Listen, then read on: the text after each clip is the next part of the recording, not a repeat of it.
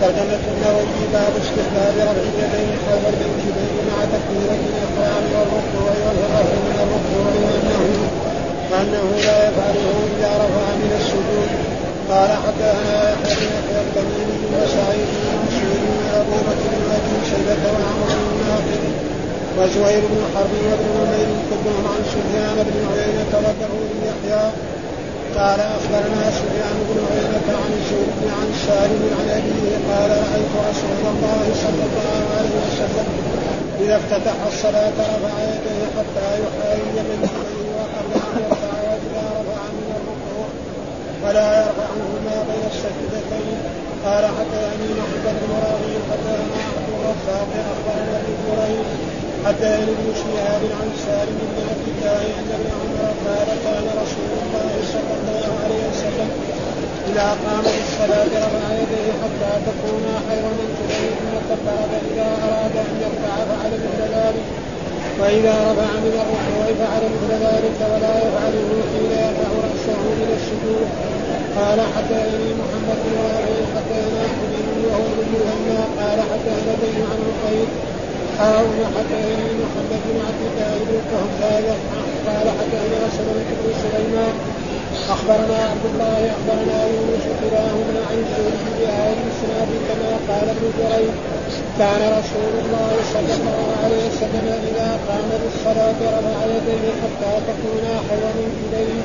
ثم كبر قال حدثنا ابن اخبرنا خالد بن عبد الله عن خالد عن أبي قلابه أنه رأى مالك الحويرث إذا صلى كبر ثم رفع يديه وإذا أراد أن يرفع رفع يديه وإذا رفع رأسه من الركوع رفع يديه وحدث أن رسول الله صلى الله عليه وسلم كان يفعل هكذا قال حدثني أبو كامل الجحدري حدثنا أبو عوانة عن قتادة عن نصر بن عاصم عن مالك بن الحويرث أن رسول الله صلى الله عليه وسلم كان إذا كبر رفع يديه حتى يحاذي بهما اذنيه وإذا رفع رفع يديه حتى يحاذي بهما اذنيه وإذا رفع رأسه. فإذا رفع رأسه من الركوع فقال سمع الله لمن حمده فعل مثل ذلك. قال وحدثناه محمد بن مهنا قال حدثنا ابن أبي عبد عن سعيد عن قتادة بهذا الاسناد أنه رأى نبي الله صلى الله عليه وسلم وقال حتى يحاذي به فروع اذنيه قال باب إثبات التكبير في كل حلق ورفع في الصلاة إلا رفعه من الركوع فيقول به سمع الله لمن حمده قال وحدثنا يحيى بن يحيى وقال قرأت على مالك عن ابن شهاب عن أبي سلمة بن عبد الرحمن أن أبا هريرة كان يصلي لهم فيكبر كلما خفض ورفع فلما انصرف قال والله إني لاشبهكم صلاة برسول الله صلى الله عليه وسلم. قال حدثنا محمد بن رافع حدثنا عبد الرزاق أخبرنا ابن جريج اخبرني ابن شهاب عن أبي بكر بن عبد الرحمن أنه سمع أبا هريرة يقول كان رسول الله صلى الله عليه وسلم إذا قام إلى الصلاة يكبر حين يقوم ثم يكبر حين يرفع ثم يقول سمع الله لمن حمده.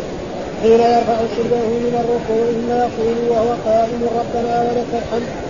ثم يكبر حين يهوي ساجدا ثم يكبر حين يرفع رأسه ثم يكبر حين يسجد ثم يكبر حين يرفع رأسه ثم يفعل مثل ذلك في الصلاة كلها حتى يقضيها ويكبر حين يقول من المثنى بعد الجلوس ثم يقول أبو هريرة إني لاشبهكم صلاه برسول الله صلى الله عليه وسلم.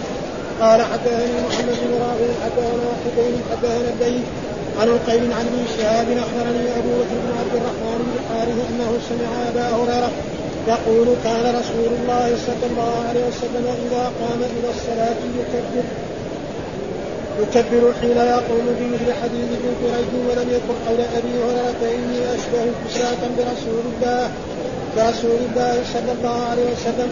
قال وحدثني حرملة بن يحيى أخبرنا ابن وهب أخبرني ابن يونس عن ابن شهاب اخبرني أبو سلمة بن عبد الرحمن ان ابا هريرة كان يستخلف كان يستخلفه مروان على المدينة إذا قام للصلاة المكتوبة كبر فذكر نحو حديث ابن جريج. وفي حديثه فإذا قضاها وسلم أقبل على أهل المسجد قال والذي نفسي بيده إني لأشبهكم صلاة برسول الله صلى الله عليه وسلم. قال حدثنا محمد بن مهران الرازي قال حدثنا الوليد بن مسلم قال حدثنا الأوزاعي عن يحيى بن أبي كثير عن أبي سلمة أن أبا هريرة كان يكبر في الصلاة كلما رفع وضع فقلنا يا أبا هريرة ما هذا؟ ما هذا التكبير؟ قال إنها الصلاة إن هذا صلاة رسول الله صلى الله عليه وسلم. قال حدثنا قتيبة بن سعيد حدثنا يعقوب عن ابن عبد الرحمن عن سهيل عن أبيه عن أبي هريرة أنه كان يكبر كلما خفض ورفع ويحدث أن رسول الله صلى الله عليه وسلم كان يفعل ذلك. قال حدثنا يحيى بن يحيى وخلف بن هشام جميعا عن حماد قال يحيى أخبرنا حماد بن زيد عن غيلان عن مطرب قال صليت أنا وعمران بن الحصين خلف علي بن أبي طالب فكان إذا سجد كبر وإذا رفع رأسه كبر وإذا نهض من الركعتين كبر. فلما انصرفنا من الصلاة قال أخذ عمران بيده ثم قال لقد صلى بنا هذا صلاة محمد صلى الله عليه وسلم أو قال قد ذكرني هذا صلاة محمد صلى الله عليه وسلم. الحمد لله من الشيطان الرجيم. بسم الله الرحمن الرحيم. الحمد لله رب العالمين والصلاة والسلام على سيدنا ونبينا محمد وعلى آله وصحبه وسلم أجمعين. قال الإمام الحافظ أبو الحسين مسلم الحجاج القشيري النيسابوري رحمه الله تعالى والترجمة الذي ترجم بها الإمام النووي باب استحباب رفع اليدين حذو المنكبين مع تكبيرة الإحرام والركوع والرفع من الركوع أنه لا يفعل إذا رفع من السجود. وهذا تقريبا هو مذهب كثير من إيه؟ من الأئمة ومن من أصحاب رسول الله صلى الله عليه وسلم أنه استحب رفع اليدين حذو المنكبين. هكذا. هذا يكون يعني هكذا فيكون الأصابع حول الشعر أو فوق قليل. مع تكبيرة الإحرام الذي هي أول تكبيرة يدخل بها الصلاة وعندما كذلك يريد أن يركع وعندما يرفع من الركوع. وثبت في حديث آخر عندما يقوم من الركعة الثانية إلى الثالثة. جلس بالتشهد الأول وانتهى من نعم وقام عندما يقوم كذلك هذه آية أربع يعني في أربع محرمات. ثابت عن رسول الله صلى الله عليه وسلم وهي أحاديث صحيحة في البخاري وفي مسلم وفي غيره. هذا. وهناك من العلماء ومن الأئمة من يرى أن رفع اليدين بس عند تكبيرة الإحرام فقط بس. ها؟ ولكن الأحاديث هذه حجه عليهم. ها؟ وذلك مثلا كالحنفية وكالمالكية ما يرفع يديه إلا عند تكبيرة الإحرام. ها؟ فهذه الأحاديث والرسول قال صلوا كما رأيتموني أصلي. والحافظ حجة على من لم يحفظ. يعني قاعدة عامة علمية. ها؟ صحابي يقول كان الرسول بس يكبر وصحابي يقول كان يرفع يديه هذه زيادة علمية فلازم نأخذ بها ونترك التعصب في أي مذهب من المذاهب لأن الرسول قال صلوا كما رأيتموني أصلي فهذا هو الواجب وهذا فيه يعني ظلم خضوع لله تعالى. فهذا معناه تقريبا وهذا الحديث يعني عن عن عبد الله بن عمر بن الخطاب رضي الله تعالى أن الرسول كان يرفع يديه عند تكبيرة الإحرام وعند الركوع وعند الرفع من الركوع. هذه ثلاثة. وهناك فيها في حديث آخر كذلك عندما يقوم من الركعة الثانية إلى الثالثة. وأما عند السجود فلا يرفع يديه. إذا أراد يسجد لا يرفع. وإذا قام من الركعة الأولى إلى الثانية كذلك نعم لا يرفع يديه. فهذه مواضع تقريبا كان هذا الواجب. ولكن حصل خلاف. والسبب في ذلك أن بعض الصحابة صلوا وما رفعوا يديه مثلا الحنفية يستدلوا بحديث أن عبد الله بن مسعود كان يصلي ولا يرفع يديه إلا عند تكبيرة الإحرام. كذا يقولون.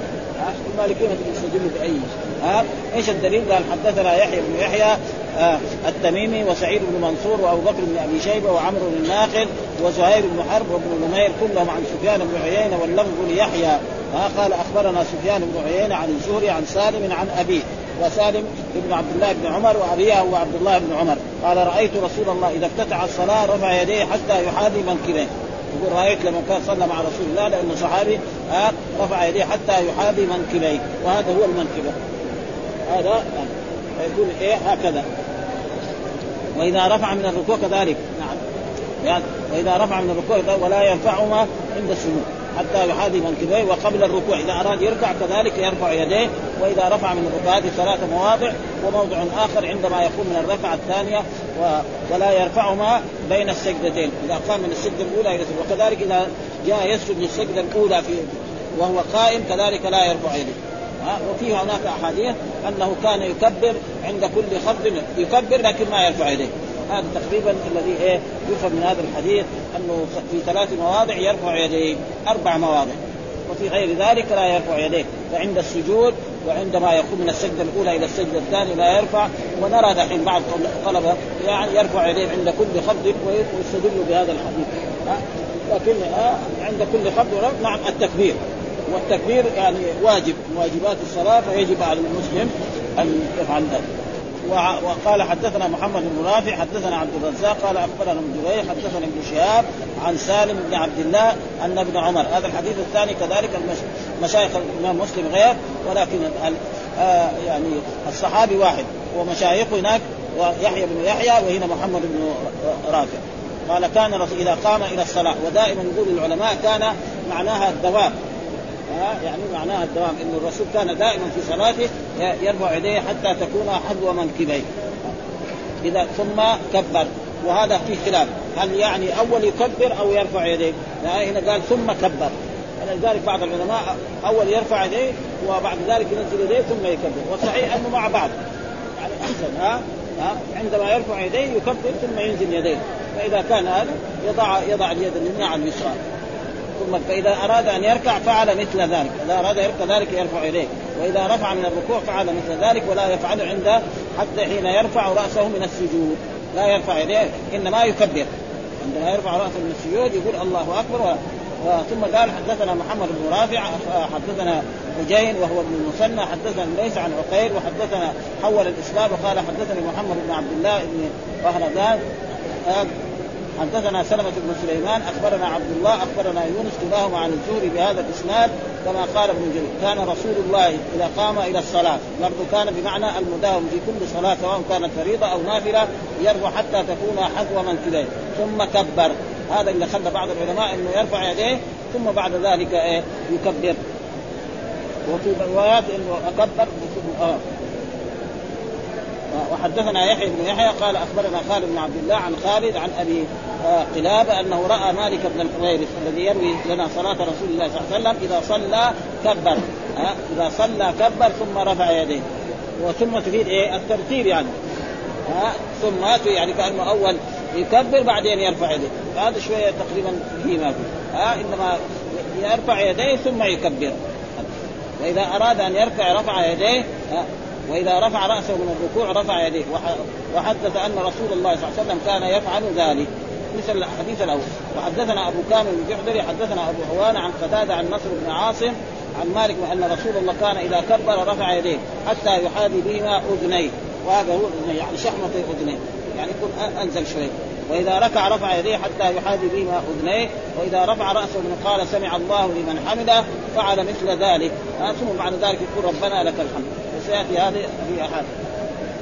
حدثنا كذلك محمد بن مسنى حدثنا أبي عدي عن سعيد عن قتادة بهذا أنه رأى النبي صلى الله عليه وسلم قال حتى يحاذي بهما فروع اذنيه فروع اذنيه معناه هذا. وهذه أحاديث صحيحة فيجب على المسلمين أن يفعلوا ذلك. والأئمة الذي قالوا يقول ما بلغتهم يعني نحن نعتذر لهم أنه ما بلغتهم الأحاديث هذه. يقول هنا نقرأ الا ذكروا الإمام النووي قال فروع أجمعت الأمة على استحباب رفع يعني ما هو ركن من أركان الصلاة ولا هو واجب رفع اليدين إنما مستحب. فإذا فعله له أجر وله ثواب وإذا ما فعله فاته الأجر والثواب. ها؟ ما تبطل الصلاة بذلك. جماعة الأمة على استحباب رفع عند تكبيرة الإحرام واختلفوا فيما سواه. فقال الشافعي وأحمد وجمهور العلماء من الصحابة رضي الله تعالى عنهم ومن بعدهم يستحب رفعهما أيضا عند الركوع وعند الرفع منه وهو رواية عن مالك وللشافعي.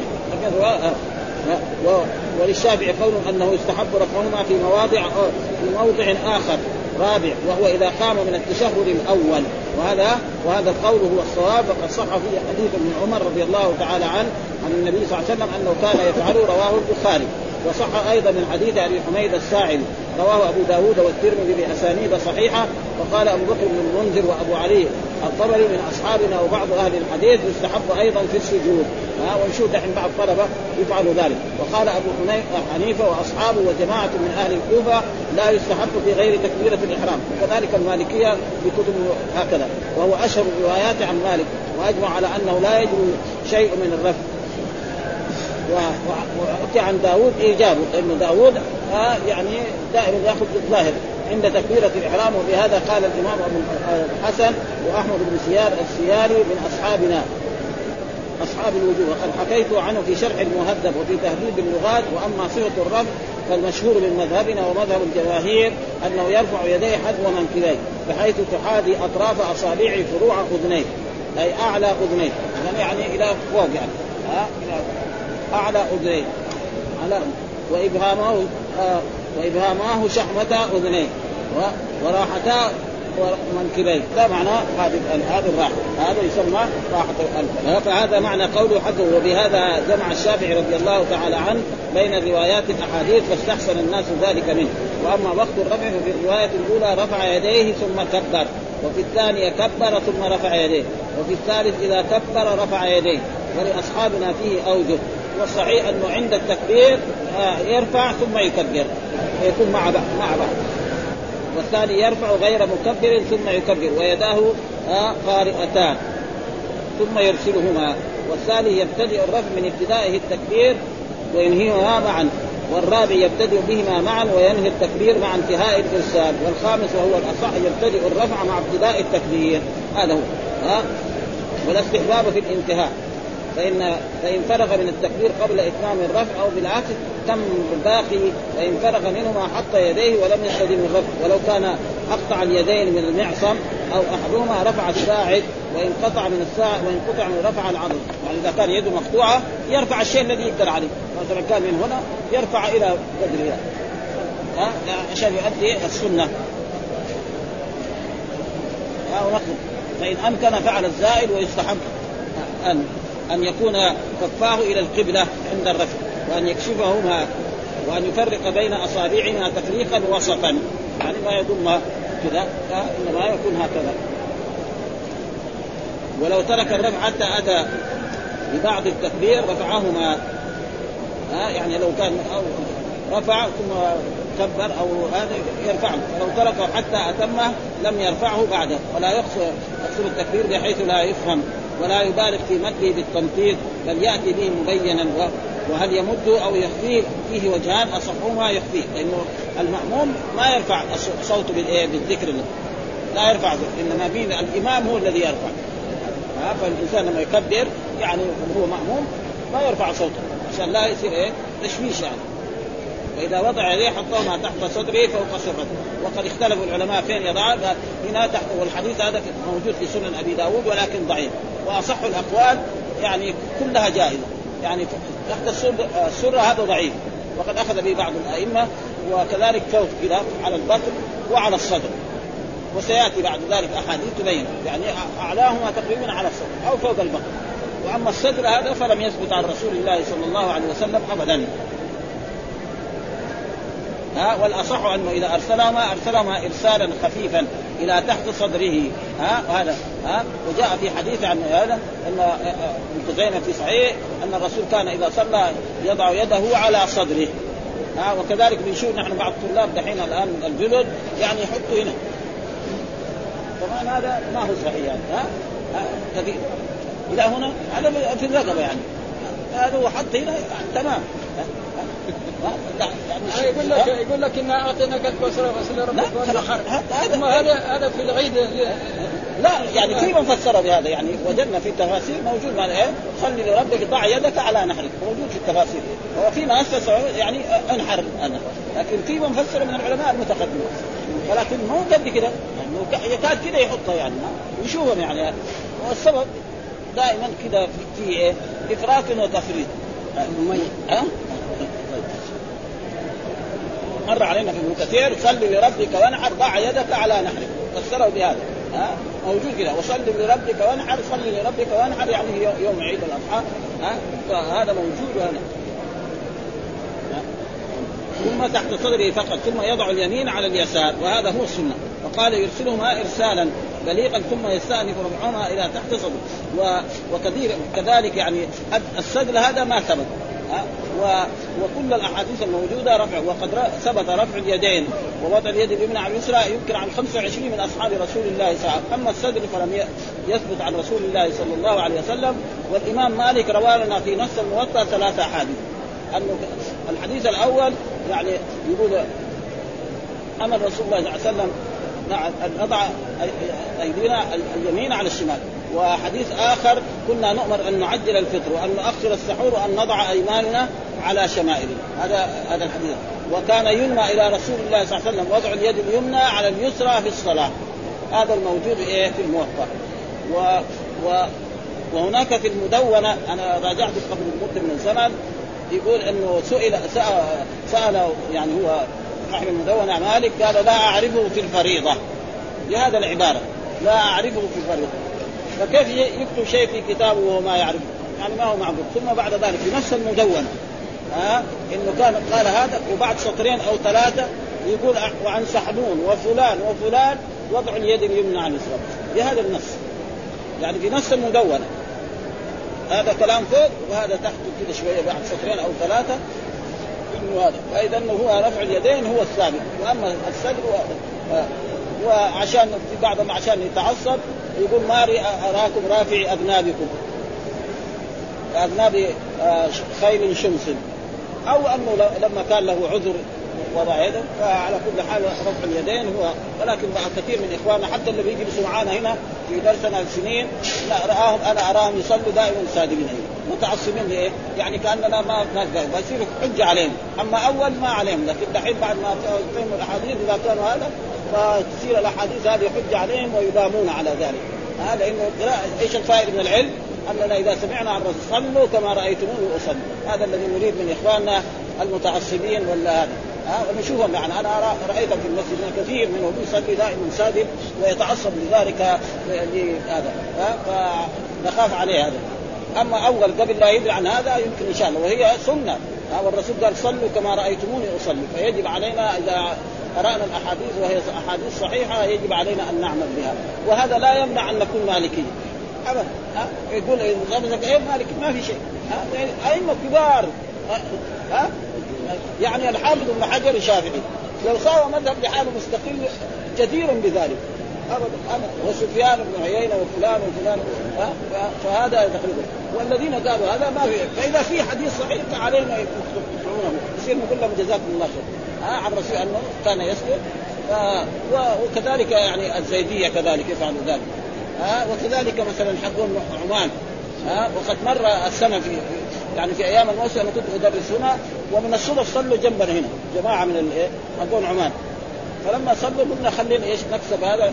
وكان درسنا في الصلاة وتكلمنا على ذلك وكان يمكن 10 15 نفر كذا فوقفوا سمعوا. يعني ما تكلم تقول يعني ما لا يعني ناقشوا معنا ولا ولا قالوا شيء ولا سؤال.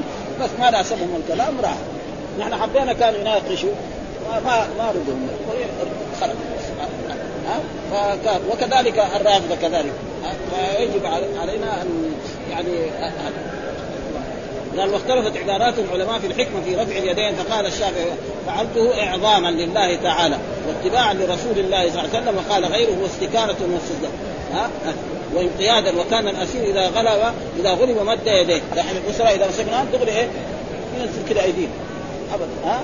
يعني يحطوا أيديهم عشان الاستسلام ها؟ وفيه إشارة إلى طرح أمور الدنيا والإقبال بكليته كذلك إنه كأنه أخبر على الله ومناجاه ربه سبحانه وتعالى كما تضمن ذلك قوله الله أكبر فيطابق فعله قوله. وقيل الاشاره إلى إلى دخوله الصلاة ولذلك جاء في الحديث الصحيح تحريمها التكبير وتحليلها التسليم. حديث كده بهذا النص. تحريمها التكبير وتحليل. تحريمها تحريم.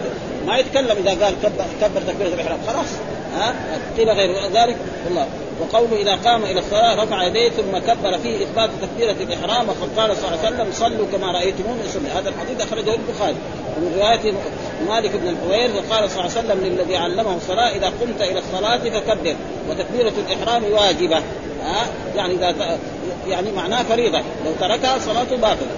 وعند مالك والثوري والشافعي وأبي حنيفة وأحمد والعلماء كفر. تكبيرة الإحرام لا بد منها. واحد ما يكبر ما دخل في الصلاه إلا ما حكاه القاضي عياض وجماعه عن ابن المسيب والحسن والزهري وقتادة والحكم والأوزاعي أنه سنة ليس بواجب. وأن الدخول بالصلاة يكفي فيه النية. وهذا لا يعني لا ولا أظن هذا يصح عن هؤلاء الأعلام مع هذه الأحاديث الصحيحة مع حديث علي رضي الله تعالى عنه أن رسول الله صلى الله عليه وسلم قال مفتاح الصلاة الطهور وتحريمها التكبير وتحليلها التسليم. كذا مفتاح الصلاة الطهور. يعني يرفع الحدث الأصغر أو الحدث الأكبر وتحريمها التكبير. يقول الله أكبر وتحليلها التسليم. فاذا انتهى يقول السلام عليكم. الله فهذا يجزي بالاجماع وقال الشيخ ويجزي الله الله أكبر. الله لا يجزي غيره. يعني ما يجوز واحد يقول الله رحيم أو الله كريم أو جواد فما يدخل وهناك بعض من الأئمة يقول لا أي شيء فيه تعظيم الرب يجوز. كالحنفيه يعني لو قال الله عظيم الله رحيم ودخل في الصلاة يمكن. ولكن أصح الأقوال أنه لا ينفع إلا هذا يعني هذا اللفظ. وهذا منقول عن الشافعي في القديم وأجاز أبو يوسف الكبير آه الله الكبير آه زي الله أكبر. وأجاز أبو حنيفة الاقتصار فيه على كل لفظ فيه تعظيم الله كقول الرحمن أكبر أو الله أجل أو أعظم. وهذا فيه مخالفة للأحاديث. آه جمهور العلماء من السلف والخلف والحكمة ابتداء الصلاة بالتكبير بافتتاحها بالتنزيه والتعظيم لله سبحانه وتعالى. ثم قال آه حدثنا يعني باب إثبات التكبير في كل خفض ورفع في الصلاة. كذلك يعني إيه ثم أراد كبر تكبيرة الإحرام؟ نعم يكبر. ثم إذا أراد يركع يكبر. وإذا أراد يسجد يكبر. وإذا قام من السجدة الأولى يكبر. وإذا قام من السجدة الثانية إذا أراد يسجد السجدة الثانية يكبر. وإذا رفع من السجدة إلى الركعه يكبر. لكن ما ذكر إيه رفع اليدين دي. باب إثبات التكبير في كل خفض ورفع في الصلاة إلا رفعه من الركوع. ها أما رفع من الركوع فيقول سمع الله لمن حمده فإن كان إماما يقول سمع الله لمن حمده ثم يقول ربنا لك الحمد. وإن كان ماموم يقول لا ما يقول سمع الله يقول ربنا لك الحمد أو ربنا ولك الحمد. ها الماموم يقول ربنا لك الحمد ما يقول سمع. والمنفرد والإمام يقول الاثنين. يقول الإمام يقول سمع الله لمن حمده ربنا لك الحمد. كذلك المنفرد يقول سمع الله لمن حمد ربنا لك أو ربنا ولك الحمد. كل هذا جائز. ثم بعد ذلك في آه ربنا لك الحمد حمدا كثيرا طيبا مبارك أو آه ملء السماوات وملء الأرض وملء ما شئت من شيء بعد أهل الثناء والمجد حق ما قال العبد كل ما عبد إلى غير ذلك من الأذكار التي وردت في هذا. آه فلما انصرف قال يعني يقول أبو هريرة والله إني لأشبهكم صلاة برسول الله صلى الله عليه وسلم. يعني أشبهكم صلاة فإن رسول الله صليت خلفه وكان عند كل رفع وخفض يكبر. وهنا ما ذكر إيه رفع اليدين إلا في المواضع الأربعة. فإذا السنة رفع اليدين في المواضع الأربعة التي هي تكبيرة الإحرام والركوع والرفع من الركوع وعند القيام من الركعة الثانية إلى الثالثه وأما التكبير فيكون في كل رفع وخفض. إلا بعد الرفع من الركوع فلا يقول الله أكبر بل يقول سمع الله لمن حمده. وحدثنا محمد بن رافع وحدثنا عبد الرزاق أخبرنا ابن جريج أخبرنا ابن شهاب عن أبي بكر بن عبد الرحمن أنه سمع أبا هريرة يقول كان رسول الله صلى الله عليه وسلم إذا قام إلى الصلاة يكبر تكبير حين وهذه هذه ركن من أركان الصلاة. والثانية سنة أو واجبه بعضهم يقول سنة و... ثم يكبر حين يرفع. فإذا ترك التكبيرات هذه يسجد للسهو في مذهب الإمام أحمد. ثم يقول سمع الله لمن حمد حين يرفع صلبه من الركوع. ثم يقول وهو قائم ربنا ولك الحمد أو ربنا لك الحمد. ثم يكبر حين يهوي ساجدا. ثم يكبر حين يرفع رأسه ثم يكبر حين يسجد. ثم يكبر حين يرفع رأسه. ثم يفعل ذلك في صلاتك كلها. هذه كلها في إيه؟ ثم قال آه كان يقول بعد ذلك ثم يقول أبو إني لأشبهكم صلاة برسول الله صلى الله عليه وسلم. فيه إثبات التكبير في كل خفض ورفع آه من الركوع فإنه يقول سمع الله لمن حمده وهذا يجمع مجمع عليه اليوم. ومن الاعصار المتفق كان فيه خلاف في زمن أبي هريرة. وكان بعضهم لا يرى التكبير إلا للإحرام وبعضهم يزيد عليه بعض ما جاء في حديث أبي هريرة. وكان هؤلاء وكأن هؤلاء لم يبلغهم فعل رسول الله صلى الله عليه وسلم ولهذا كان أبو هريرة يقول إني لأشبهكم صلاة برسول الله صلى الله عليه وسلم استقر العمل على ما في حديث أبي هريرة هذا ففي كل صلاة ثنائية إحدى عشرة تكبيرة إحدى عشرة تكبيرة هي تكبيرة الإحرام وخمس في كل ركعة.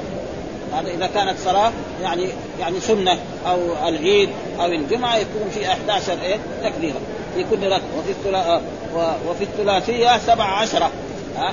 وهي كذلك تكبيرتين يعني زيادة عن الأول عشان إيه؟ للقيام للثالثة. وهي تكبيرة الإحرام وتكبيرتين وتكبيرة القيام من التشهد الأول وخمس في كل ركعة وفي الرابعة اثنان وعشرون اثنان وعشرون. إذا كانت صلاة رباعية يكون فيها اثنان وعشرون وفي المكتوبات الخمس أربع وتسعون تكبيرة. شيء يعني يعني العبادة حقيقة يعني عبادة الرجل. يعني كل يوم يعني يكبر ويرفع يكبر. الله أكبر. ومعلوم الله أكبر. كلمة عظيمة جدا هذه. واعلم أن تكبير واجبة ها؟ يعني واجبة يعني إيه ركن. واجبة هنا بمعنى أن لو واحد ما كبر ودخل في الصلاة إلا على قول آه الإمام أبو حنيفة وابي يوسف فهذا يقول ان وما عداها سنه ولو تركه صحت صلاته لكن فاتته الفضيلة موافقة السنة. وهذا مذهب العلماء كافة إلا أحمد بن محمد رضي في إحدى الروايتين عن أن جميع التكبيرات واجبة. ولذلك في مذهب الإمام أحمد انه إذا ترك تكبيرة من التكبيرات لازم يسجد لإيه؟ للسهو هذا لأن التكبيرات عنده ثمانية. ومنها التكبيرات التي في الصلاة غير تكبيرة الإحرام. وكذلك قول سمع الله لمن حمده وقول ربنا لك الحمد. وكذلك التشهد إيه؟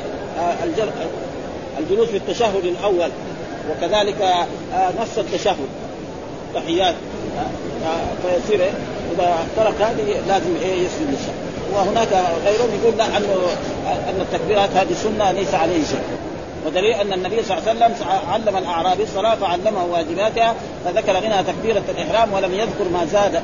وهذا موضع البيان ووقته ووقته ولا يجوز يعني الرجل الأعرابي الذي جاء صلى ولم يطمئن في ركوعه نعم وهو خلاد قال الرسول إذا قمت إلى الصلاة فكبر ثم اقرأ ما تيسر معك من القرآن ثم اركع حتى تطمئن راكعا ثم ارفع حتى تعتدل ثم اسجد حتى تطمئن ساجدا ثم ارفع.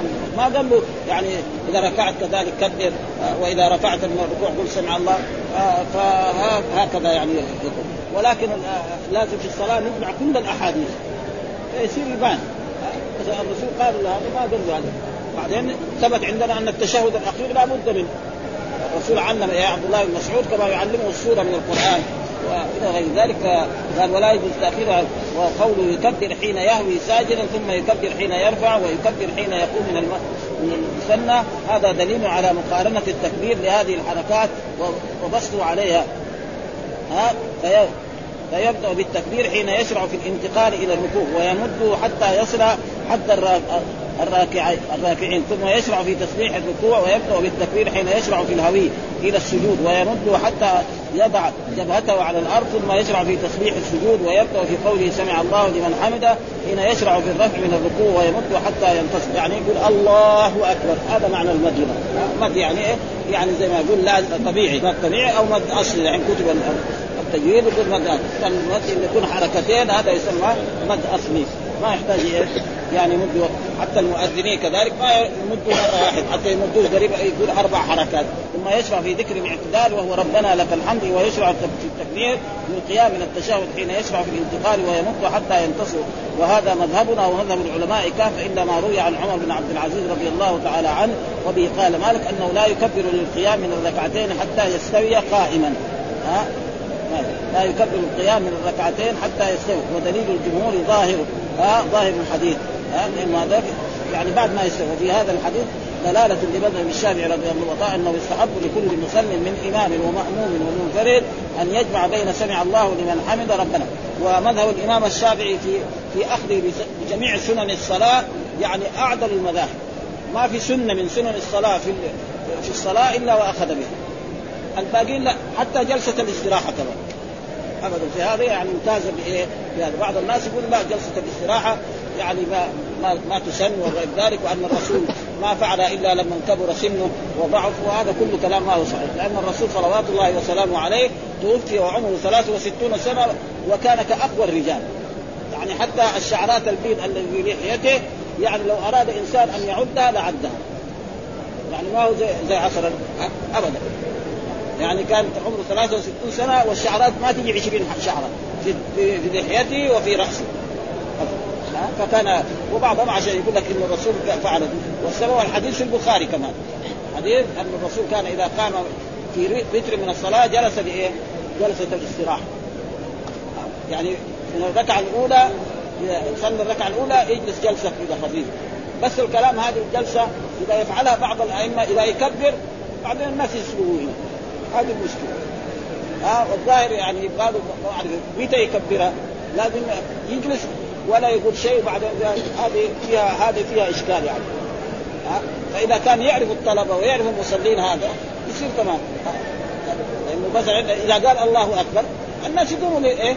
للركعة الثانية وهو يكون جلس في جلسة الاستراحة فيصير سبقوه يعني ولذلك فيها شيء من الصعوبة وإلا هي ثابتة الإنسان يعني إذا مامون يفعلها سنة يعني ما ما في لا يقول إيه بعضهم يتعصب يقول لك لا أن الرسول ما فعل إلا لما إيه كبر سنه وضعف. لا الرسول صلى الله عليه وسلم ما كان يعني كان أقوى وكان يعني يفعل كل ويستحب لكل مؤمن منفرد إلى هذا ربنا في حال السماء وانه ثبت أن رسول الله صلى الله عليه وسلم فعلهم وقال صلى الله عليه وسلم صلوا كما رأيتموني أصلي وسيأتي بسط الكلام في هذه المسألة وفروعها وشرح الفاظها ومعانيها حيث ذكره مسلم رحمه الله تعالى لأنه الآن كتاب الصلاة وبده إيه؟ يذكر أفعال الصلاة كلها.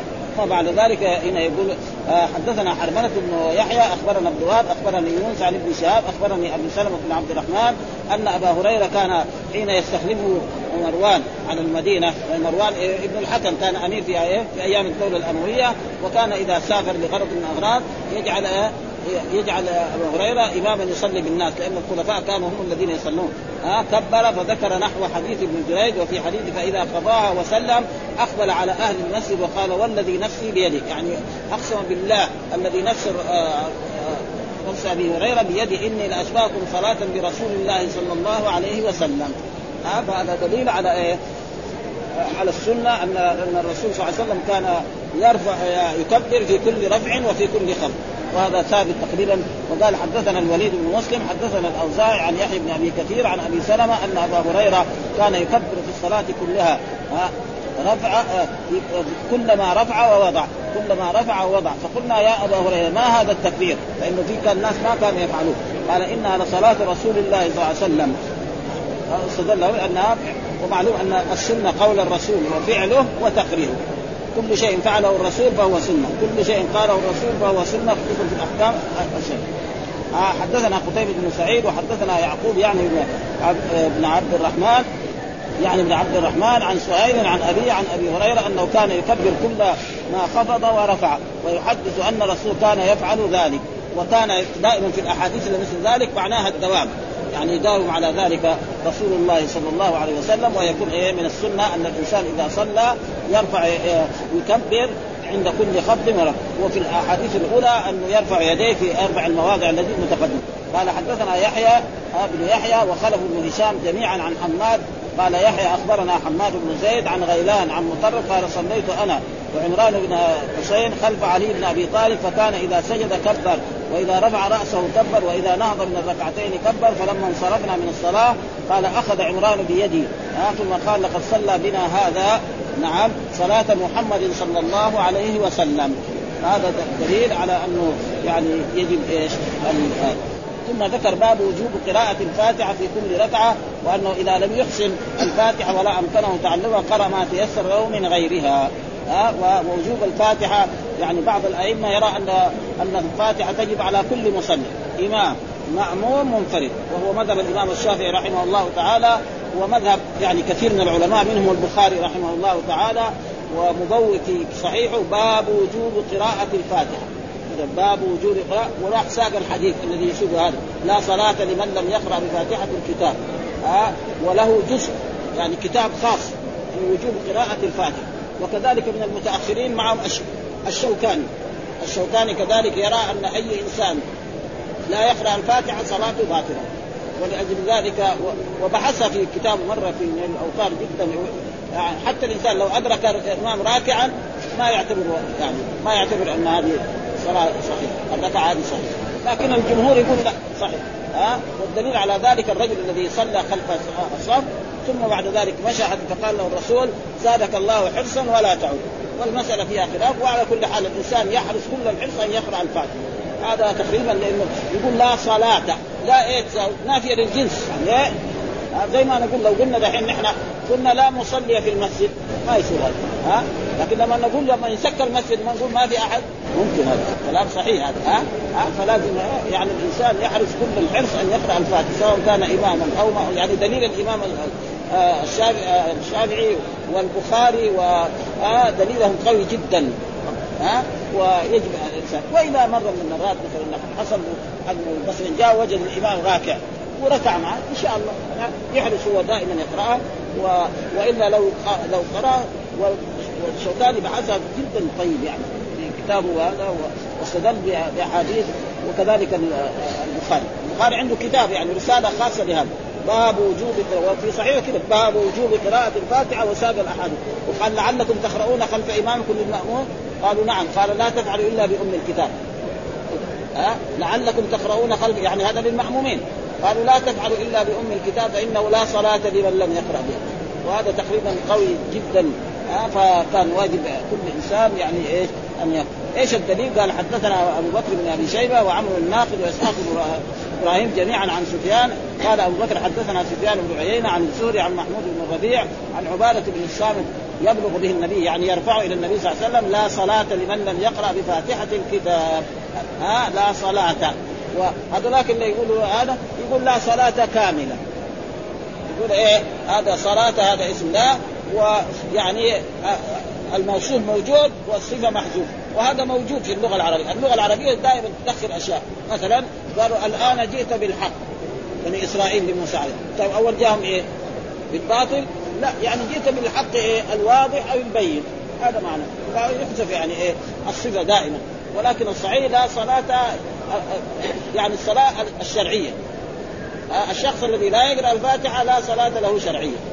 هذا الذي لم يقرأ بفاتحة الكتاب. وما قال لا إمام ولا مأموم ولا منفرد. فاذا إيه؟ يشمل إيه؟ الجميع. هذا الذي إيه؟ يظهر من النص. ثم قال حدثنا كذلك أبو الطاهر حدثنا ابن وهب عن يونس حول الإسناد وقال حدثني حرمله بن يحيى أخبرنا ابن وهب أخبرنا يونس عن ابن شهاب أخبرني محمود بن الربيع عن عبادة بن الصامت قال قالوا لا صلاة لمن لم يقرأ بأم القرآن وهي تسمى فاتحة الكتاب وتسمى بأم القرآن وهي السبع المثاني آه وأنها لا لا يوجد لها نظير في الكتب السماوية المتقدمة لأن الله يقول هناك سبعة من المثاني والقرآن العظيم آه وهي السبع المثاني لأنها سبع آيات وكذلك قال حدثنا آه آه حدثنا الحسن بن علي الحلواني حدثني يعقوب بن إبراهيم بن سعد حدثني أبي عن صالح عن ابن شهاب أن محمود بن الربيع الذي مج رسول الله صلى الله عليه وسلم في وجهه من بئر أخبره أن عبادة بن الصامت أخبره أن الرسول قال لا صلاة وهذا دليل على أن الصغير يعني يمكن يروي حديث عمره خمس سنوات أو ست سنوات أو أقل لا صلاة لمن لم يقرأ بأم القرآن. ثم ذكر آه كذلك هذه كلها أحاديث يعني تدل على انه يعني لا, لا صلاة ابنه ثم قال حدثنا آه إسحاق بن إبراهيم وعبد بن حمير قال أخبرنا عبد الرزاق أخبرنا معمر عن الزهري بهذا الإسناد مثله وزاد فصاعدا. يعني إيه يقرأ إيه شيء من إيه من القرآن. طيب والذي ما يعرف فاتحة الكتاب يقرأ سورتين إذا ما يقرأ. وإذا ما يعرف مثلا أسلم حديثا آه جاء في حديث إن كان معك قرآن فاقرأ وإلا فاحمد الله وكبره وهل رجل أسلم حديثا وهو عجمي ما يقدر يقرا نقول له قل سبحان الله والحمد لله ولا إله إلا الله والله أكبر. واركع. يوم يومين ثلاثة شهر سنة حتى. حتى يحفظ الفاتحة ويقرأها. وهذا من سماحة الإسلام. ما نقول له لا لا تصلي حتى تحفظ الفاتحة. لا خلاص يصلي ويقول سبحان الله والحمد لله ولا إله إلا الله والله أكبر. إن شاء الله. مقبوله صلاته ويستمر على ذلك و, و... وكذلك هنا حديث قال إسحاق بن إبراهيم الحمدلي أخبرنا سفيان بن عيينة عن العلاء عن ابي عن أبي هريرة قال من من صلى صلاة لم يقرأ فيها بأم القرآن فهي خداج ثلاثا غير تمام.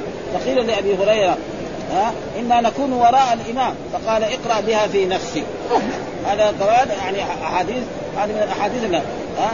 من صلى صلاة يعني سواء فريضة أو نافلة أو غير ذلك نعم لم يقرأ بأم القرآن فهي خداج يعني ناقصة. فهذه ناقصة بعد واحد يقول لك لا يعني فيها نقص يعني ما هي باطلة. هنا لا هذول يقول لا يعني معناه إن يعني باطلة يعني. ها غير ثقيل إنا نكون وراء الإمام. ها؟ يجي بعض الأئمة يقول لك مثلا غير مذهب الإمام أبو حنيفة إن المأموم ما يقرأ لا في الصلاة السرية ولا في الجهرية. مرة. بس يوقف كده.